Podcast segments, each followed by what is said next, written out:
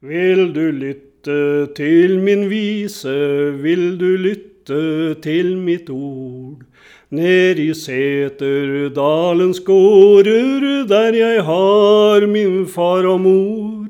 Vil du lytte til min vise, jeg for deg vil tala sant. I min vise får du høre hvordan jeg har blivit fant. Jeg tror jeg har fått øye på de mistenkte. Over.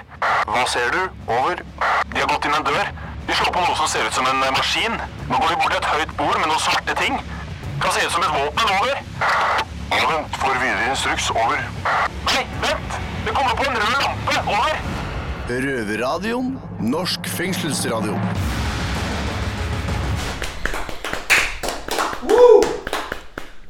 Ja, eh, det var hyggelig med en eh, liten trall her på Røverradioen. Eh, vi er på Eidsberg fengsel. Eh, mitt navn er Danny, aka Kameleon. Jeg sitter her sammen med Christian og Tito. og Mats i bakgrunnen der. Tito, hva er det vi skal snakke om i dag? Jo, vi skal dedikere denne sendinga til taterne, som har vært en utskjelt gruppe i Norge. Ja, Mange forbinder jo da tatere med kriminalitet, og vi skal da se om det faktisk er sånn. Og så skal vi et sted i Sarpsborg som blir kalt Lykkelig gatan, som det bodde mange tatere i. Og jeg har også henta en fra avdelinga mi som er tater, som vi skal bli litt bedre kjent med, og, og høre da hva er sammenhengen mellom å være tater og kriminell. Men uh, først skal vi en tur opp til uh, Bredtvet kvinnefengsel, uh, hvor Røverinne har uh, intervjuet forfatter Tor Godtås. For vi trenger jo litt bakgrunn eh, om disse taterne, så han skal fortelle oss hvem disse taterne er.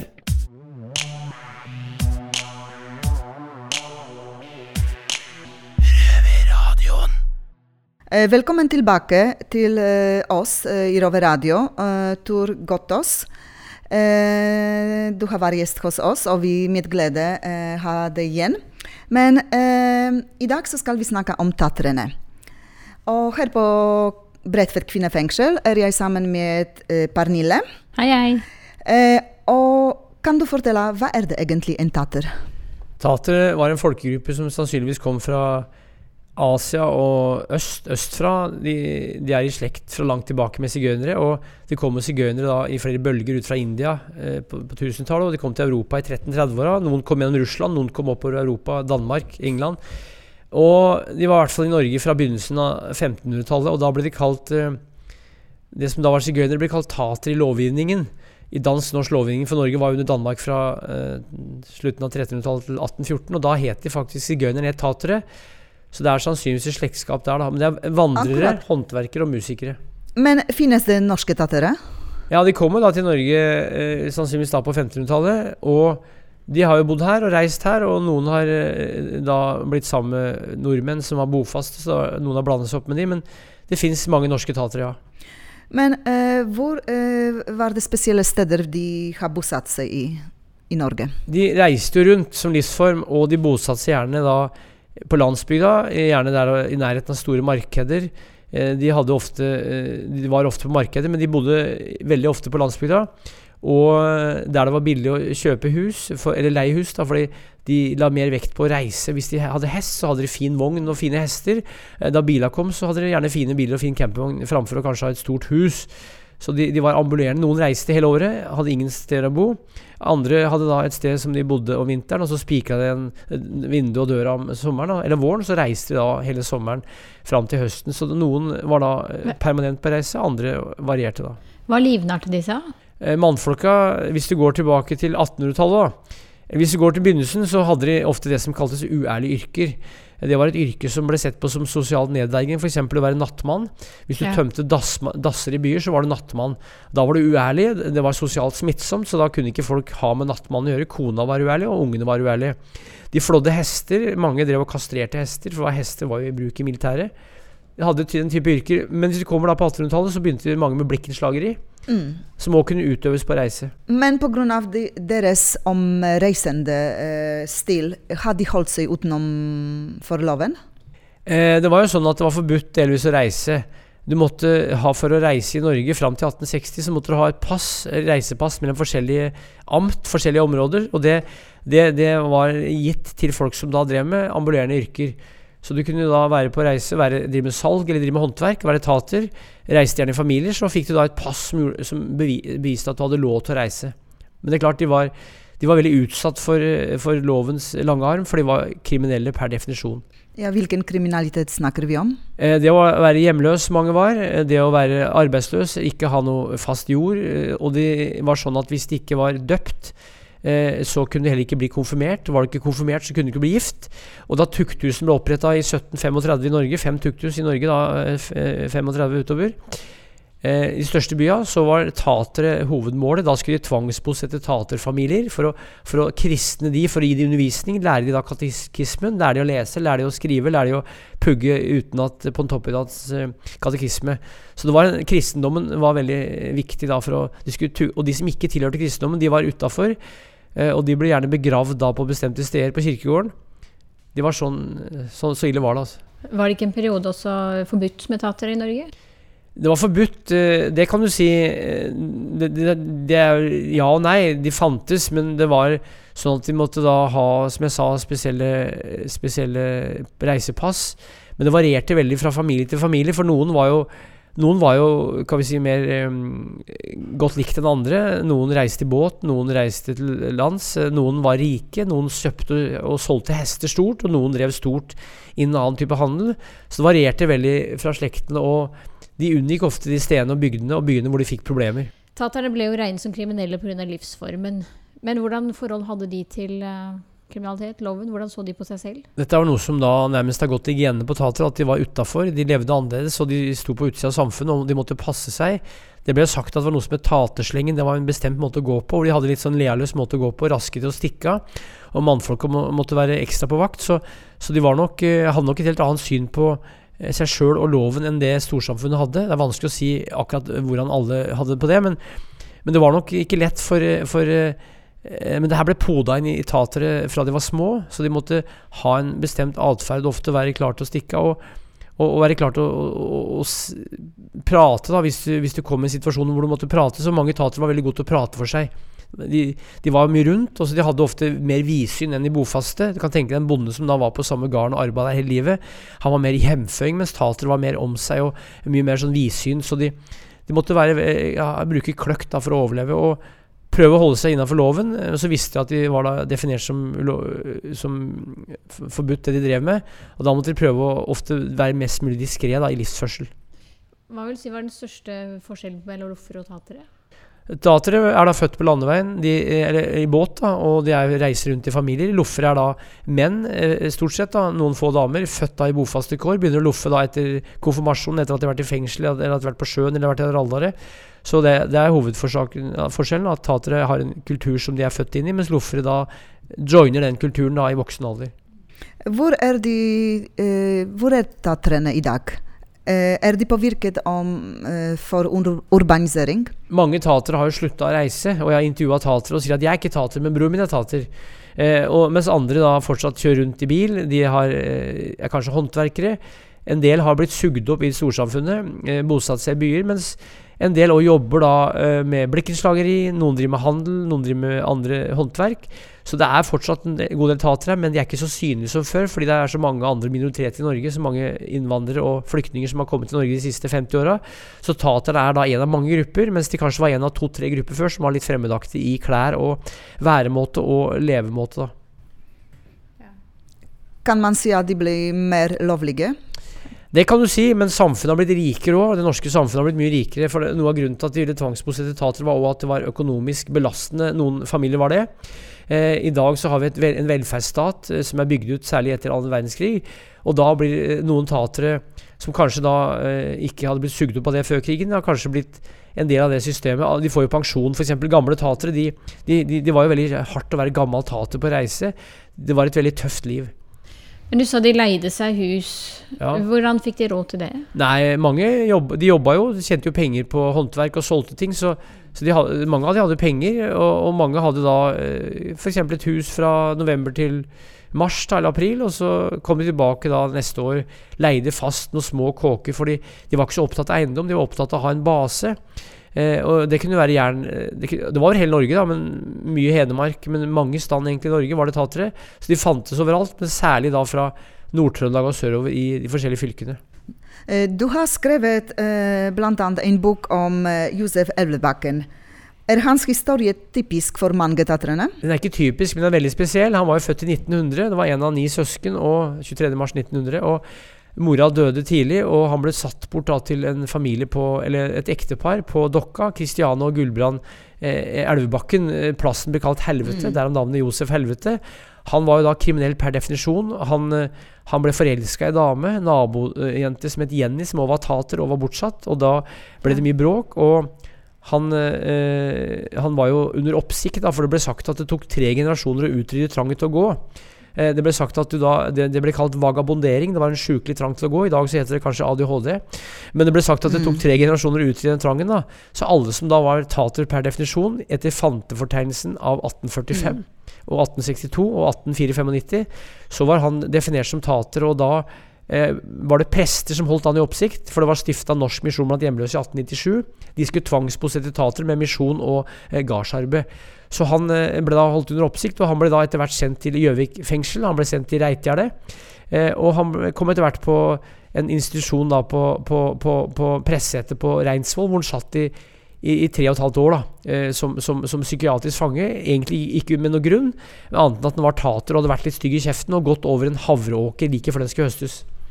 Eh, vi kunne snakka veldig mye eh, om tatrene, men vi må takke deg for den eh, fin innføring og interessant innføring i taterhistorie. Og med dette takker vi for at du kom igjen til uh, vår uh, Rover-radio på Bredtvet kvinnefengsel. Uh, Tor uh, Gotos, Folkets minnegransking. Tusen takk. Sjøl takk. Du hører på lyden av ekte straffedømte. Røverradio. Hver lørdag på NRK P2 halv fire. Og når du vil som podkast. Ja, da har vi fått uh, hørt og lært litt om hvem uh, disse taterne er.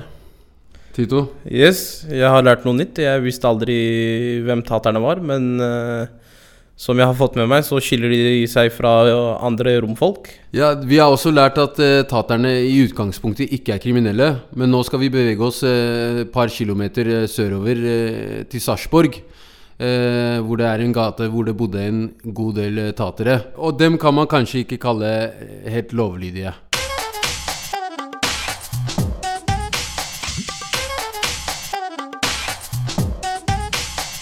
Du hører på Røverradioen fra Indre Østfold fengsel, avdeling Eidsberg. Jeg er Geir. Jeg står her med uh, Tony. Hallo, Tony. Hallo. Eller vil du at jeg skal si John Tony? Si John Tony, du. Ok, John Tony. Uh, det har seg sånn at du har sittet i veldig mange dommer. Ja, når du uh, blir født i en setting, da, eller familier, venner og alt rundt deg Jeg, jo, jeg ble født, er jo født i Sarpsborg, Ja. og en gate som de kalte Sandorveien, den lykkelige gatan. da. Og i den gata, eh, der så bodde det bare kriminelle. Ja, jeg husker jo når jeg var tolv år, jeg husker også datoen 23. juni, for jeg var jo født da. Ja. Eh, på bursdagen min, eh, tolv år gammel, da var det liksom, da var det Jeg har gått over i den voksne rekker, da. Ja. Eh, Da, liksom, da var det min tur til å, så, å, å dra inn inntekta, da, holdt jeg på å si. Eh, og jeg husker den første plata med hasjen den gangen. Ja. Eh, og jeg var jo at man ble sendt rundt da, og leverer og sånn. og så Kan du fortelle litt mer om uh, Lykkeligagatan? Lykkelige gaten, det er uh, på Klavestadhaugen i Sarpsborg. Uh, Der var liksom det Alle var sammen om ting. Det var ikke eh, noe uenighet eller det var ikke noe sånt. Man, og der kunne du gå inn til eh, naboen, liksom, og, og der fikk du like mye Hadde dere sånne hemmelige rop og sånn hvis politiet kom og sånn, eller? Nei, de kom faktisk ikke ned i gata, for de parker stoppa oppe på toppen av bakken. Og så spurte de om tillatelse til å få lov til å komme ned. såpass, ja. Så det var Dere hadde kontroll der nede? Ja.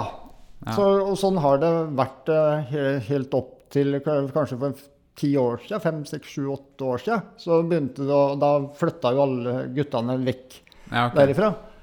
Så nå har det blitt et uh, normalt uh, boligstrøk, liksom? Ja. Ja. Så, men enda så går jo eh, ryktene, eller eh, sagna, da, om eh, Lykkelige gatan og alle de som var der. Ja, Men der, var det noen sjefer der, eller var det liksom Altså var det som, litt sånn mafiaaktig, eller? Ja, det, ja, man kan kanskje kalle det på en måte mafiaaktig. Det var jo eh, Det meldste var det eldste, Ja. Og vi Var organisert, liksom? Der. Ja, det er vel sånn som de er å- ser, ser på Oslo og sånn nå, da. Og, og gjenger. Og den gangen, på den tida så var det jo A og B og gjengen og alt dette her. Og man ser jo også man ser jo det at uh, hvis man tar det i sammenligning med oss, da, så var det jo nesten akkurat det samme. Akkurat som en klubb, da. Ja. ja. Bare at det var ikke det navnet, da. Ja. ja, men uh, tusen takk for uh, historiene dine, John Tony.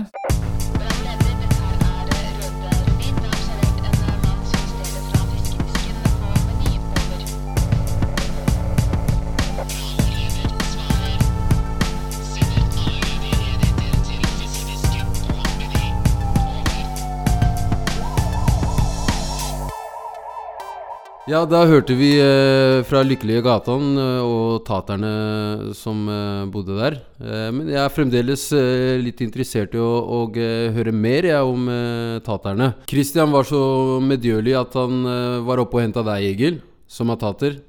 Velkommen, Egil. Takk for det. Ja, jeg sitter her eh, sammen med Christian enda, og eh, vi har eh, også Mats her. Han er jo, vi har jo funnet ut at han også er, eh, har litt taterblod i seg. Helt riktig. Eh, så Men eh, du først, Egil. eh, Jeg lurer på Vi hørte jo på Lykkelige gata nå, og kjenner du deg igjen i den historien, eller?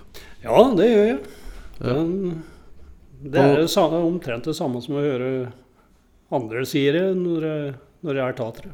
Ja. Men eh, du sitter jo i fengsel her, sånn som alle oss andre. Føler du at det er Fordi det, er- vi har hørt mye stigmatisering og, om, om taterne og sånn, men føler du at det er noe sannhet i det at Eller en sammenheng mellom eh, å være tater og å være kriminell? Nødvendigvis ikke.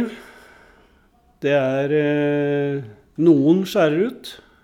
Noen klarer seg veldig bra. Ja. Men, men hva Som med alle andre.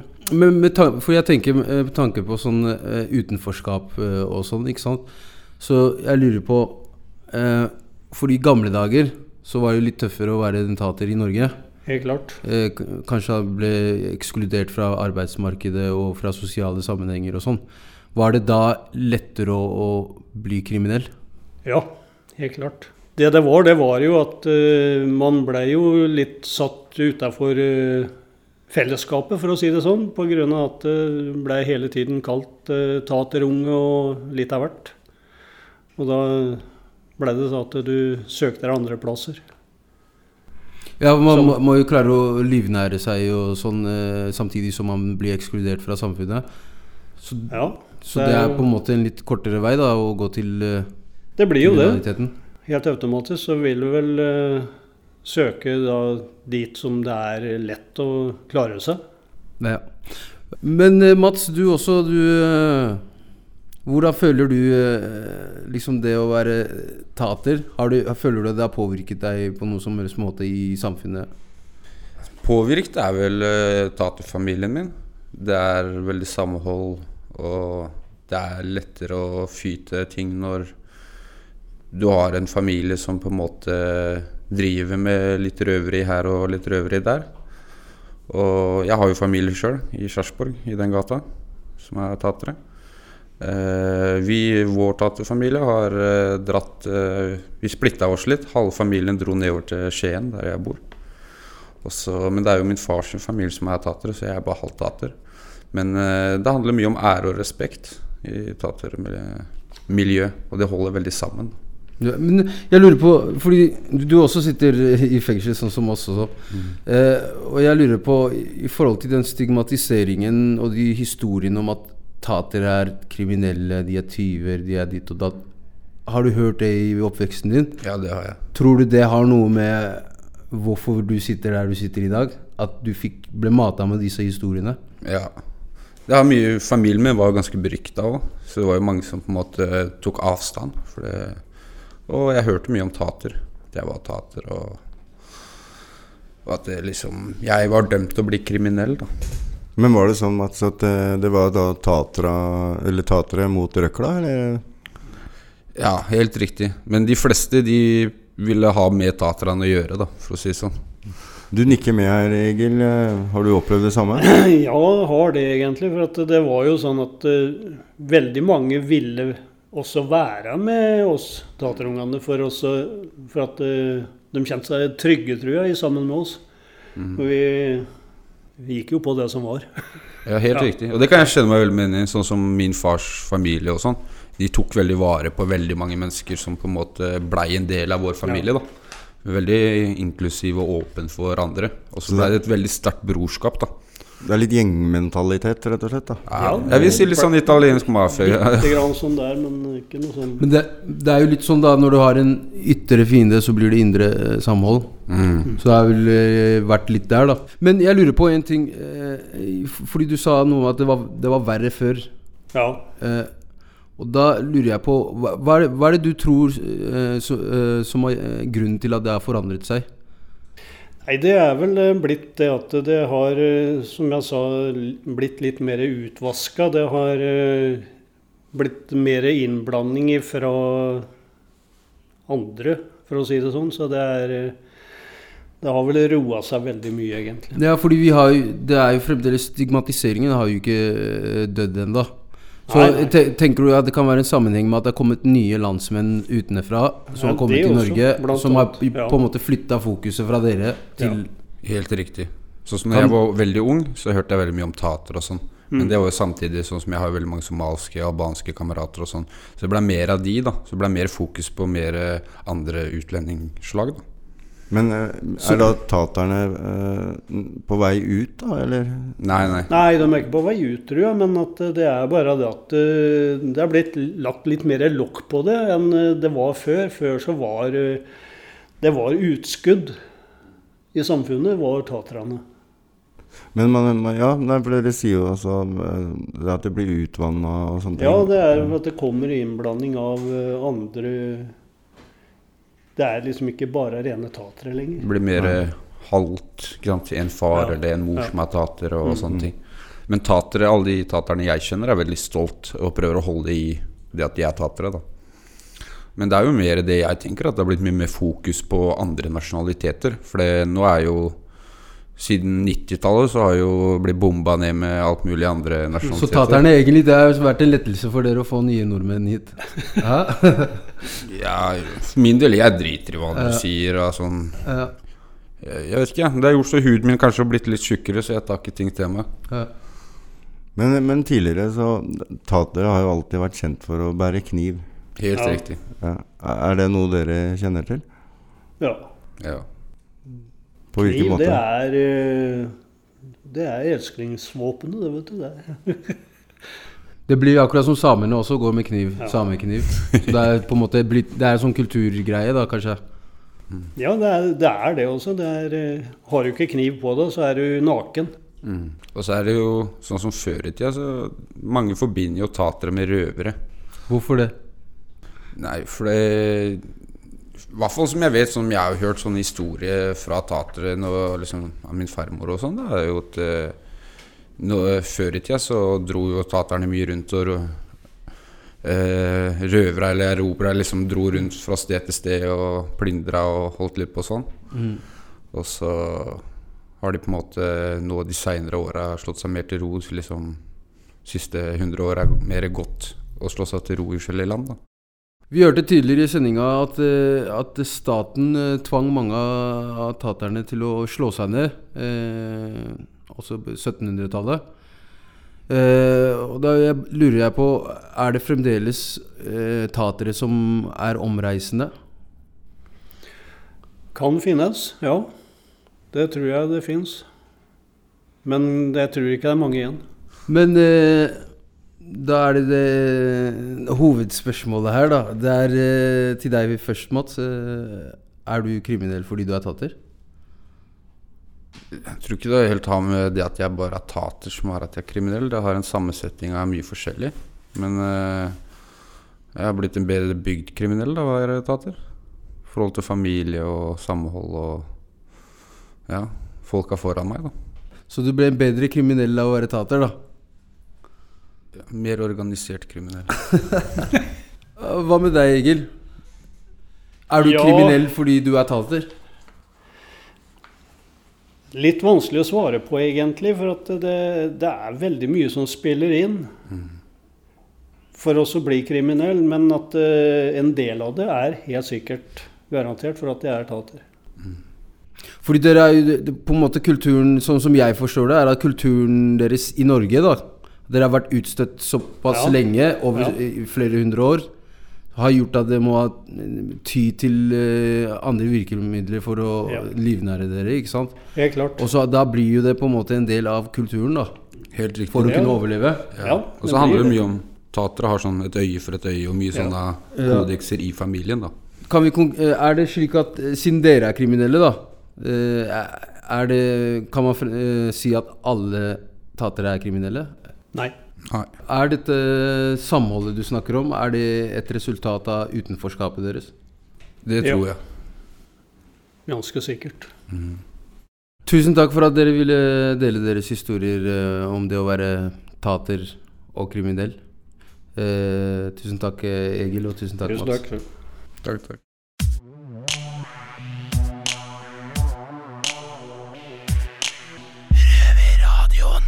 Ja, det, da er vi ved veis ende. Eh, det var en eh, veldig lærerik eh, halvtime, dette. Yes, jeg har jo gått på skole i tolv år og aldri hørt om uh, tater i samfunnsfagtimen, så jeg syns at uh, at uh, det må gjøres noe med. Det er det bra vi fant Egil da, på avdelinga som er tater. Og så fant vi ut at vi har jo en røver her med taterblod i seg også. Mats? Nok en gang lært meg noe nytt i livet. Ja, Tito, hvor er det du kan høre oss? Jo, du kan høre oss på P2, NRK P2, lørdager halv fire, og når du vil, hvor du vil, på podkast. Så, Danny, hva skal du i cella? Nei, jeg vet ikke. Altså, jeg tror jeg, jeg, jeg skal i hvert fall på luft en time i dag. eh, Ta litt pushups og sånn. Og Ja. eh, så blir det vel lage noe god mat, og så sette seg på cella og se i veggen. Ja, Skal vi ikke henge litt, eller? Ja, vi er jo på to forskjellige avdelinger. Fy faen. Men uh, ja, vi kan jo rope fra vinduet, da. Det, ja, vi vi satser, på- vi Ja. satser på det. Så snøre og sånn der papirlapp, og så kan vi veksle papir, sånn no, notat til hverandre. Jeg så på TV du kan pumpe doen, vet du. Så kan du prate gjennom eh, dassen. Eh, tusen takk for oss. Eh, det har vært eh, hyggelig. Yes, det har det. Hei og hå, hei og hå. Hei og hå. Hei og hå. Tå, tå. Hei. Du, før vi skrur av. Tidligere i sendinga fikk vi høre litt av tatersangen til Egil. Her skal du få høre hele. Vil du lytte til min vise, vil du lytte til mitt ord. Ned i Seterdalens gårder, der jeg har min far og mor. Vil du lytte til min vise, jeg for deg vil tala sant. I min vise får du høre hvordan jeg har blivit fant. Fader min, han var en riking, og jeg var hans ende sønn. At jeg skulle blive mektig, det var far og mor sin drøm. Skoler har jeg gjennompløyet, for de ville ha meg frem.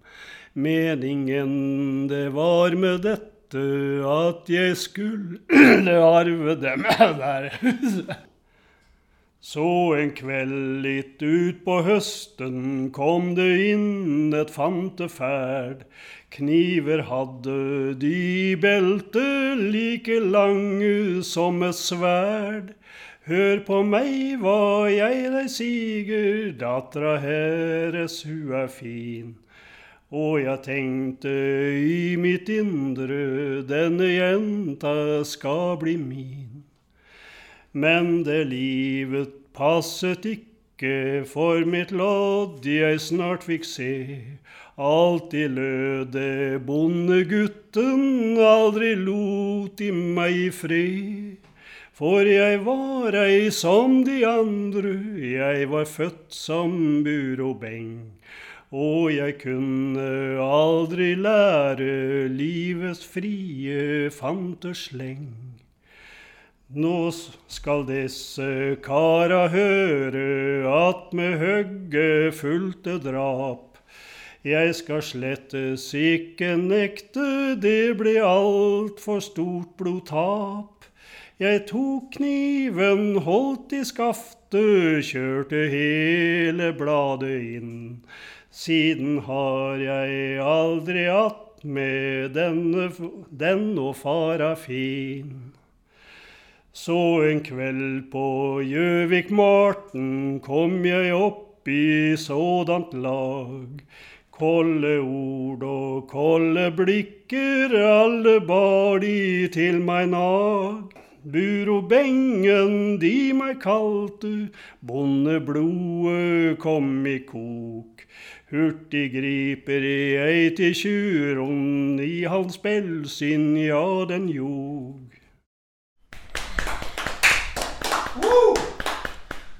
Det har vært stille fra over en time. Hva skjer? Over. Det er bare et radioprogram. Det er lettere å høre på dem der. Over. Ja, vet du når det går, da?